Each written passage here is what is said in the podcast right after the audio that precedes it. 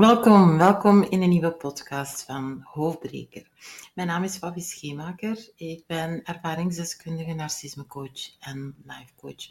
In mijn podcast neem ik jou mee in de wereld van narcisme. Geef ik jou tools en inzichten hoe jij kan helen na narcistisch misbruik. Weet, de narcist of narciste, die kun je niet veranderen. Maar jij wel. In deze podcast buig ik me over de vraag wat doet de sloophamer van de narcist of narciste op jouw lichaam? Voor eerst ontzettend welkom. Dankjewel voor de vele berichtjes die ik mocht ontvangen van mensen die me lieten weten hoeveel steun en inzichten ze halen uit mijn podcast hartverwarmend dit.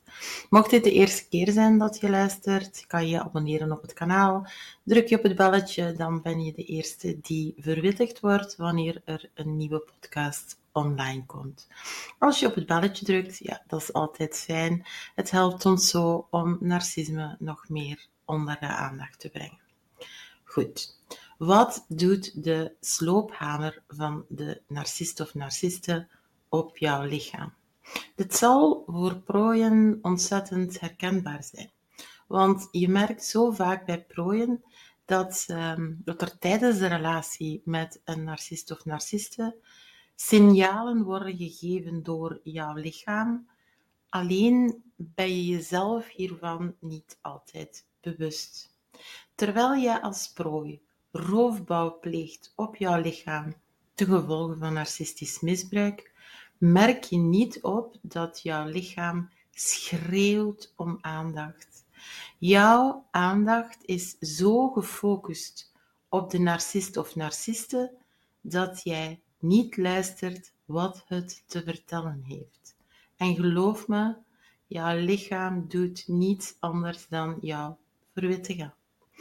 Ik ben ook mindfulness coach. En wat ik vaak merk is dat prooien tijdens en zelfs na de relatie alles behalve mindful zijn voor zichzelf. Het is met een narcist of narciste zo moeilijk om te leven in het hier en nu, omdat ze alle aandacht opeisen. Ze slopen niet alleen jouw gezondheid, ze slopen wie jij bent. Vandaar ook dat je prooien zo vaak hoort zeggen wie ik weet niet meer wie ik ben.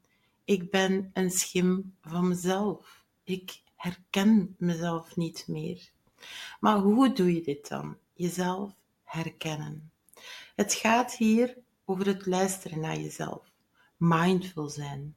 Mindfulness, dat gaat niet alleen over meditaties hoor. Het is een, een staat van zijn. Het gaat over lichaamsgewaarwording. Het is jouw bewustzijn van het hier en nu zonder oordeel.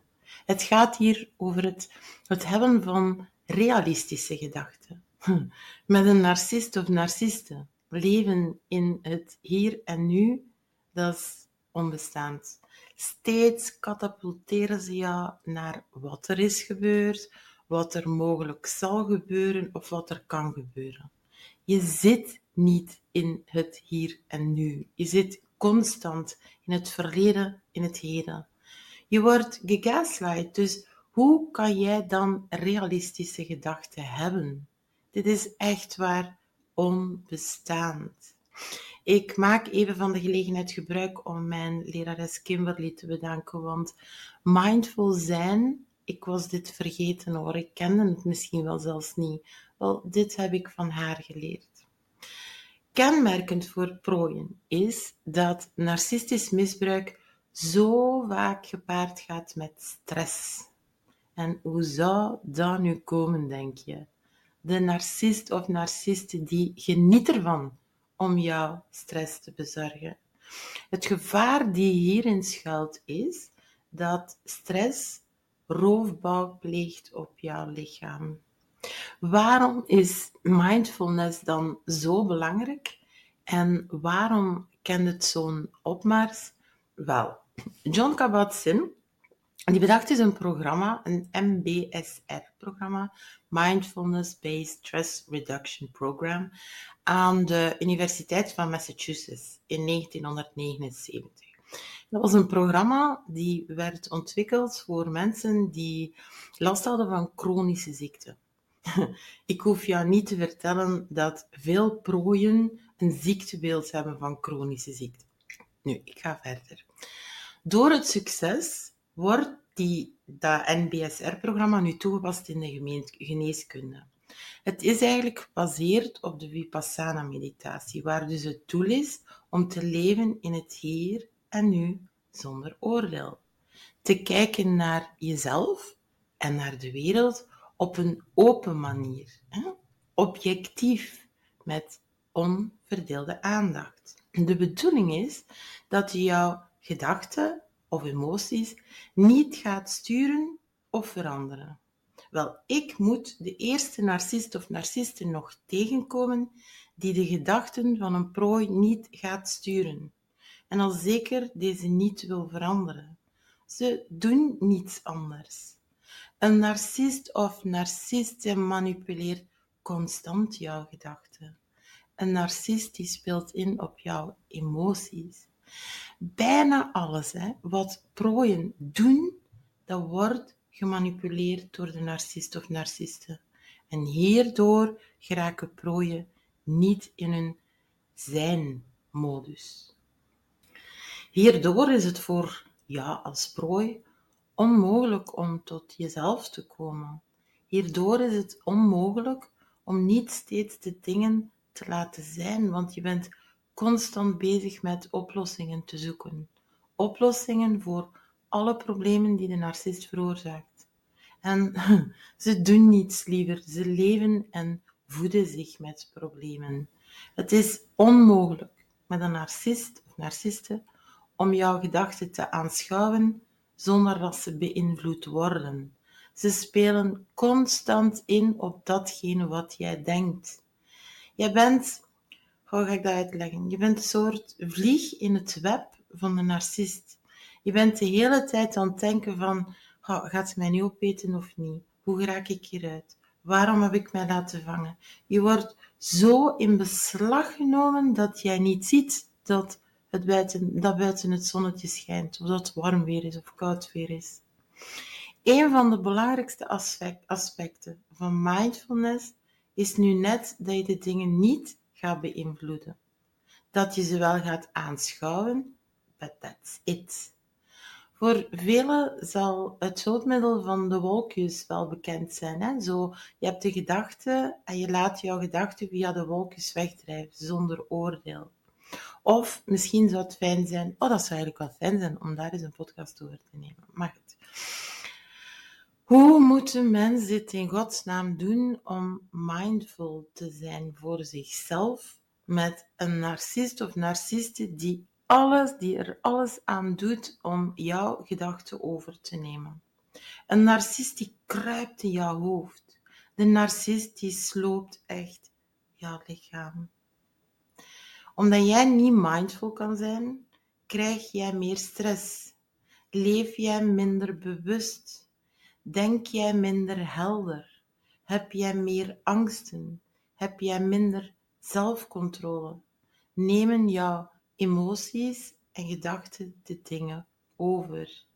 Je krijgt gewoon de kans niet om mild te zijn voor jezelf. Niet alleen de narcist of narciste, die staat om de op de eerste rij om over jou te oordelen, maar je bent zo streng voor jezelf. Je oordeelt ook over wat jij denkt en doet. Prooien zeggen vaak, ja, ik had dit moeten doen, hè. ik ben dom geweest, of ik doe dit, ik doe nooit iets goed, of ik had dit niet mogen zeggen, of waarom deed ik dit? Prooien oordelen zo vaak over zichzelf in de negatieve zin. Mensen die krijgen soms prikkels van buitenaf. Wel, dat het zou eigenlijk onmogelijk zijn om alle prikkels die op ons pad komen, om deze te verwerken. Bij prooien mag het aantal prikkels nog eens maal xxx doen. Prooien overleven bijna op automatische piloot. En is leven op een automatische piloot erg? Sommige dingen doen we gelukkig onbewust. Zo hoeven we er niet steeds aan te denken dat we moeten ademen. Zo moeten we er niet steeds aan denken dat ons hart dient te slaan. Sommige dingen gebeuren vanzelf. Maar zodra je volledig op automatische piloot gaat, dan word je geliefd. Zoals ik daarnet al aangaf, John Kabat-Zinn um, met zijn MBSR, ontwikkelde zijn MBSR-programma speciaal om chronische ziekte te kunnen behandelen. Als jij jou niet bewust bent dat jij geen aandacht hebt voor wat er speelt, nemen emoties en, um, en controle de dingen van je over. Jouw lichaam geeft jou signalen, maar jij luistert niet. De lichamelijke gevolgen van narcistisch misbruik en de perioden tegen dat je dat opmerkt, dat is echt, dit is echt een slijmerend proces. En hier gaan we eens dieper op ingaan, op de gevolgen van narcistisch misbruik op jouw lichaam. Ons lichaam en ons brein zijn zo ingenieus. Alleen luisteren we niet naar wat het ons te vertellen heeft. Te vaak wordt er gekeken naar de symptomen zonder de wortel aan te pakken. Wat zijn die symptomen dan? Signalen te gevolgen van narcistisch misbruik is, en wat, vaak, wat trouwens vaak niet gelinkt wordt hè, aan dit type misbruik, zijn spierpijn, nekpijn, hoofdpijn, vermoeidheid, paniek, angstaanvallen, buikklachten, overgeven, depressies, burn-out, onrustig gevoel, darmklachten, onzekerheid, slaapproblemen, huidproblemen, tot zelfs kanker. Wanneer jij te maken krijgt met psychologisch misbruik van de bovenste plank, dan doorsta jij een, een hele race aan dingen die, zowel, die jouw lichaam zowel fysisch als geestelijk gaat aantasten. Je kan dit vergelijken met een hond. Een hond die zwaar werd mishandeld. De gevolgen zijn niet alleen dat de hond schurft, vlooien, gewichtsproblemen, gewrichtsproblemen heeft, maar eh, de hond die kan ook angstig zijn. De hond die kan ook heel agressief worden. Je kan die hond aansterken met voeding. Je kan die hond behandelen tegen vlooien, maar zolang je die hond niet wegneemt uit de toxische omgeving, is het een pleister op de wond die niet zal helen. Zo ook voor prooien. Hè. Het grote probleem is dat de signalen die jij krijgt als prooi ook een, een, een, een heel andere onderliggende oorzaak zouden kunnen hebben dan narcistisch misbruik. En hier knelt het schoentje. Al te vaak zoeken we naar de meest voor de hand liggende oplossing. Weet je, prooien die zeggen zo vaak, Fabi, ik kon er mijn vinger niet op leggen. Ik voelde intuïtief wel dat het niet goed zat, alleen wist ik niet precies wat er aan de hand was. Dit is hetzelfde zoals wanneer een kind valt op zijn of haar knie, kan je om de pijn te vermijden de wond niet uitspoelen en niet ontsmetten, omdat dit zou prikken of pijn doen. Maar zonder eerst door die pijn te gaan, zal de wond niet helen. Een pleister op de wond helpt niet als je de wond niet gaat bekijken en aanpakken. Zo ook voor prooien die te maken krijgen met narcisme. En vandaar dat we het altijd hebben over die rauwe rouwfase. Laten we even stilstaan bij de signalen die jouw lichaam jou kan geven, waar narcistisch misbruik vaak niet aangekoppeld wordt.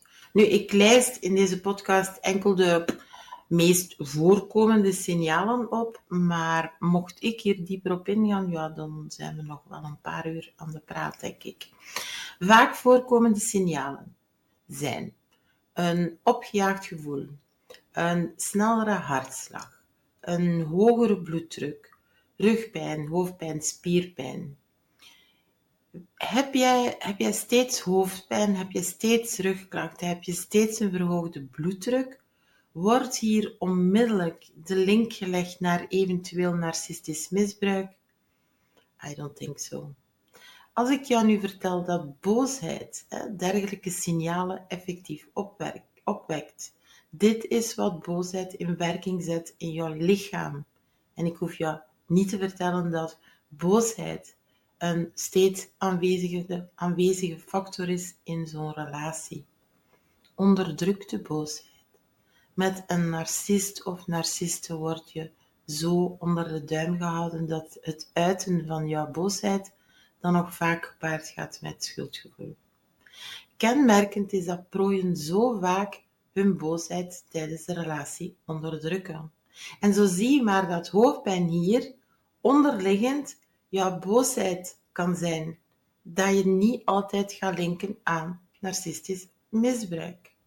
Laat ons niet eens denken aan angstaanvallen, droge mond, hartkloppingen, ehm, gevoel, een, een klemmend gevoel op de borst, zweten, overgeven, diarree, buikloop, hyperventileren. Is dat herkenbaar voor jou? Welke onderliggende oorzaak zou je hier aan koppelen? Denk je hier dan meteen aan narcisme? In het klassieke geval denk je, oké, buikloop, het zal wel een griepje zijn.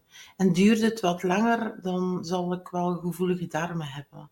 Je gaat eventueel jouw voeding gaan aanpassen. Je focust je zo op die buikloop, terwijl onderliggend hier angst aan de basis kan liggen. Veel mensen die zich ineens angstig voelen, die moeten heel snel naar het toilet. Wanneer jij bang bent, dan gaat jouw hart sneller slaan. En in sommige gevallen is het echt levensnoodzakelijk. Alleen krijg je met narcisme een constante dosis angst. Ik hoef jou niet te zeggen dat angst het nummer één kenmerk is dat prooien vertonen bij narcistisch misbruik. Angst is bijna een, mm, een, automatisme geworden voor jou als prooi. Helen, dat is dus helemaal niet mindful zijn. Hè? Als je weet dat angst het stresshormoon cortisol aanmaakt, wat in bepaalde situaties, hè, zoals ik net al zei, levensnoodzakelijk kan zijn om snel te kunnen schakelen, is de constante aanwezigheid van cortisol in jouw lichaam destructief. Ook dit is dus een hm, vergiftigd geschenk waar jij mee te dealen hebt door narcistisch misbruik. Het zeggen over het thema angst, daar kan ik talloze verhalen vertellen uit mijn praktijk. Maar laat ik het voorbeeld nemen van Claudia. Claudia is dus een fictieve naam. Hè? Een typisch voorbeeld van hoe Claudia haar lichaam schreeuwde om hulp. En ondanks het feit dat Claudia hulp zocht, werd de link niet gelegd naar narcistisch misbruik. Ondanks alle eerdere kwaaltjes, zoals vermoeidheid, depressie, neerslachtigheid, jaren aan een stuk eigenlijk, um, wat schreeuwde Claudia haar lichaam steeds harder toen ze last begon te krijgen van hartkloppingen en hevige paniekaanvallen. Het leek wel of ze elk moment ging doodvallen. Ook kreeg ze moeilijkheden met evenwicht en kreeg ze geregeld een, een verlammend gevoel in haar arm en been. Wekelijks zat ze bij de kine voor pijn in de onderrug. Ook had ze al behandelingen ondergaan voor haar kaak. Die was dus nog amper open te krijgen van de stress. Dit is dus inderdaad een gevolg van stress. Ondertussen ging het met haar angstaanvallen van kwaad naar erger. Haar partner, de narcistus, had een afspraak gemaakt met een therapeut, want hij vond zo kon het niet verder. Ik wil wel even opmerken dat narcisten bij hulpverleners vaak als eerste in de rij staan om hun prooi zogezegd te helpen. Ze spelen de bezorgde partner of ouder of familie of vriendin. Dus Claudia gaat met het probleem vermoeidheid en angstaanvallen hulp gaan zoeken. Ze krijgt te horen dat ze overspannen is en dat ze rust moet nemen. Bijkomend krijgt ze de raad om regelmatig te gaan wandelen, omdat het goed is voor haar angstaanvallen. Maar het wordt alleen maar erger. Uiteindelijk stelt de huisarts voor om angstremmers te nemen. Gewoon om haar gevoel een beetje af te, af te zwakken. Zodat ze een beetje kan aansterken. Nu, Claudia die zit vol negatieve gedachten, want ze voelt zich zo gefaald. Waarom lukt het haar niet om dit te overwinnen? Ik hoef er jou niet bij te vertellen dat in zo'n periode dat je geen steun moet verwachten van een narcist of narciste. Oké. Bijkomend krijgt ze nu problemen met overgeven. Dus elke ochtend spuwt zich al. Maar dit durft ze aan niemand te vertellen. Ze vindt van zichzelf dat ze al gek genoeg is. Zo zie je hier in dit verhaal hoe Claudia schreeuwt, hoe haar lichaam schreeuwt om hulp. Zie je hoe Claudia hier steeds meer in de eenzaamheid raakt. Zie je hier hoe, ze, hoe het beeld die ze van zichzelf heeft, zij voelt zich niet sterk genoeg. Laat ik hier duidelijk aangeven dat ik niet oordeel over de aanpak van de therapeut, maar alleen hoop ik zo dat men bij dergelijke symptomen het aspect narcisme bekijkt. Bij narcistisch misbruik weten prooien vaak niet dat ze met narcisme te maken hebben. Bij narcistisch misbruik zal je als hulpverlener de prooi vaker de narcist of narcisten horen verdedigen dan dat ze deze aanvallen. Prooien zijn zo ingeprent dat alles hun fout is. Wanneer een prooi die geen idee heeft dat ze met narcisme te maken hebben, dingen vertellen over hun, hun vader of hun moeder of hun collega of hun baas of hun partner, dan zijn ze op dat moment al zo gemanipuleerd dat ze het niet willen zien, dat ze het niet kunnen zien of dat ze het niet durven zien. Ze zijn gegaslight. Ze zijn gemanipuleerd. Ze zijn opgebrand. De narcist of narciste heeft met een sloophamer jouw lichaam stuk gemaakt. Bij prooien is het zo belangrijk dat degene waar ze hulp zoeken weet heeft van narcistisch misbruik en hier dan ook verder kan op doorvragen. Effectief op zoek gaat als narcistisch misbruik kan uitgesloten worden. Het is zo belangrijk om inzicht te hebben in de technieken die narcisten toepassen. Het is zo belangrijk op te merken hoe prooien reageren en te onderzoeken welke onderliggende trauma's hier aan de basis kunnen liggen. Zoals ik vaker zeg, je kan geen probleem oplossen als je niet weet dat er een probleem is. Je, je helpt een prooi van narcistisch misbruik niet echt door de verantwoordelijkheid en de oorzaak bij de prooi te leggen. Maar al te vaak, en zo ook in het voorbeeld van Claudia, had zij werk te doen aan zichzelf om beter te worden. Maar zoals bij die hond, zoals die hond die misbruikt werd, kon Claudia niet helen zolang zij in deze toxische omgeving zit. Tenzij ze inzicht krijgt in het misbruik en leert haar grenzen aan te geven en nog zoveel meer zelfwerk heeft. Als prooi hulp zoeken bij iemand die geen weet heeft van narcisme, kent dit desastreuze gevolgen voor een prooi. Het lichaam van prooien die brult zo hard en eerlijk gelukkig. Op een gegeven moment kan je er niet meer naast kijken. Je moet wel luisteren naar je lichaam nu, want het lichaam is op. Het is genoeg geweest. Als er niet opgemerkt wordt dat hier narcisme aan de basis ligt, dan zal een prooi een hele leven lang in de wetenschap zitten dat alles hun schuld was. Dat zij aan zichzelf moeten werken. Dat zij zwak zijn. Dit is zo onrechtvaardig. Zo heb ik een collega, Pascal, een collega-vriendin eigenlijk hoor, Pascal Peters, die actief is in de, als seniorenconsulente. Wel, je wil niet weten hoeveel oudere mensen in rusthuizen gebukt gaan onder een narcistische partner die steeds nukkiger wordt. Want hoe ouder een narcist wordt, hoe erger ze worden.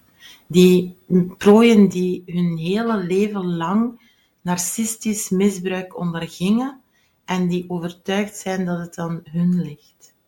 Een van de voordelen van sociale media, internet en dergelijke is nu wel dat je makkelijker dingen ontdekt. Hoewel je niet opzoekt, misschien niet gaat opzoeken over niets gaat opzoeken, tenminste over narcisme, kan het zomaar dat je ineens een reel of een tekstje ziet voorbij komen over narcisme en dat je herkenning voelt. Narcisme raakt gelukkig meer en meer onder de aandacht dankzij dit medium.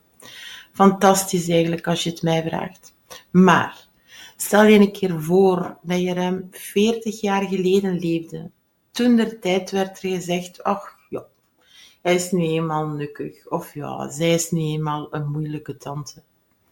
Goed, even terug naar het topic. Hè. De sloophamer van de narcist of narciste op jouw lichaam. Nog opvallende kenmerken zijn: je immuunsysteem valt uit. Je bent heel snel ziek. Je eetpatroon is onstabiel. Je gaat net veel eten of net te weinig. Je merkt dit vaak hoor in een narcistische relatie bij prooien dat ze net veel aankomen of net heel veel vermageren. Uiteraard kunnen hier andere onderliggende oorzaken aan de basis liggen. Alleen hoop ik dat hulpverleners hierbij het aspect narcisme aftoetsen. Ik kan je alvast zeggen, het is moeilijk om narcisme te detecteren wanneer narcisme aan de basis ligt. Nog een paar voorbeelden. Slaapstoornissen, lichamelijke klachten, zoals zweetbuien bijvoorbeeld. Voor prooien die op de leeftijd naderen van de menopauze, die kunnen al snel denken, ja, dat is de oorzaak, hè. ik moet niet verder zoeken. Hoe vaak voelen prooien zich futloos? Wist je dat hier onderliggend verdriet aan de basis kan liggen? Laat ons duidelijk zijn, ik lijst hier nog maar een tipje van de signalen op die kunnen wijzen op narcistisch misbruik. Ik ben trouwens helemaal geen arts en het is ook niet mijn bedoeling dat wanneer jij last hebt van een van de verschijnselen die ik vernoemde, dat jij denkt en zegt, ach ja, Fabi heeft gezegd dat dat waarschijnlijk wel uh, te, ma te, maken heeft met narcisme. Ja, totaal niet. Hè. Ik hoop gewoon dat de optie narcisme wordt bekeken en eventueel herkend wordt of uitgesloten wordt wanneer prooien hulp gaan zoeken.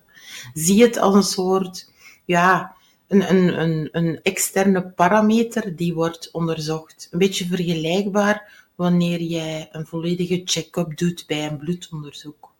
Laat dit hetzelfde zijn voor prooien wanneer zij hulp gaan zoeken. In de hoop dat narcistisch misbruik zo sneller aan de oppervlakte geraakt en er sneller kan geanticipeerd worden. Te vaak gaan prooien hulp gaan zoeken en krijgen te horen dat zij het probleem zijn. Naast extreme vermoeidheid kampen prooien vaak ook met depressies. Ook, ook verdriet ligt hieronder. Als je, dat, als je daaraan denkt, werkgerelateerd bijvoorbeeld, depressies en burn-out zijn vaak tekenen aan de wand wanneer er narcisme aan de basis ligt. Het wordt dus pijnlijk duidelijk welke impact narcisten hebben op jouw lichamelijke en mentale gezondheid. Je kan je lichaam en je geest niet van elkaar scheiden. Deze zijn nu eenmaal één met elkaar. Daar ga ik op een andere keer verder op ingaan. Hier merk je dus duidelijk welke impact verdriet, boosheid, eenzaamheid hebben op jou als prooi en meer nog hoe we onbewust zijn van de signalen die ons lichaam ons geeft. Isolatie bijvoorbeeld, ja, dat behoort ook tot een tactiek van de narcist of narcisten. Wat jou op hun beurt opnieuw verdriet bezorgt en opnieuw een sloophamer is voor jouw lichaam. Ik heb hier nu enkele voorbeelden aangegeven van signalen die jouw lichaam je aangeeft of aangaf tijdens, een narcistisch, tijdens narcistisch misbruik. Ik wou aantonen wat de sloophamer van de narcist met jou doet. Jouw lichaam dwingt jou noodgedwongen om te kijken. Je lichaam dwingt jou om in te zien dat het genoeg is geweest. En eens weg bij de narcist of narciste, dan merken we vaak een verandering op in de mindset van een prooi. En dit is zo fijn om op te merken. Er is meer um, bewustwording voor wat hun lichaam vertelt. Nu, je kan hier professionele hulp bij nodig hebben, maar toch is dit echt mogelijk. Bewustwording van datgene wat jouw lichaam jou vertelt. En wat bedoel ik hiermee? Het betekent dat je mindful gaat omgaan met jezelf. Het betekent dat je dingen gaat opmerken die jouw lichaam jou aangeeft. Je gaat nu leren luisteren naar je lichaam.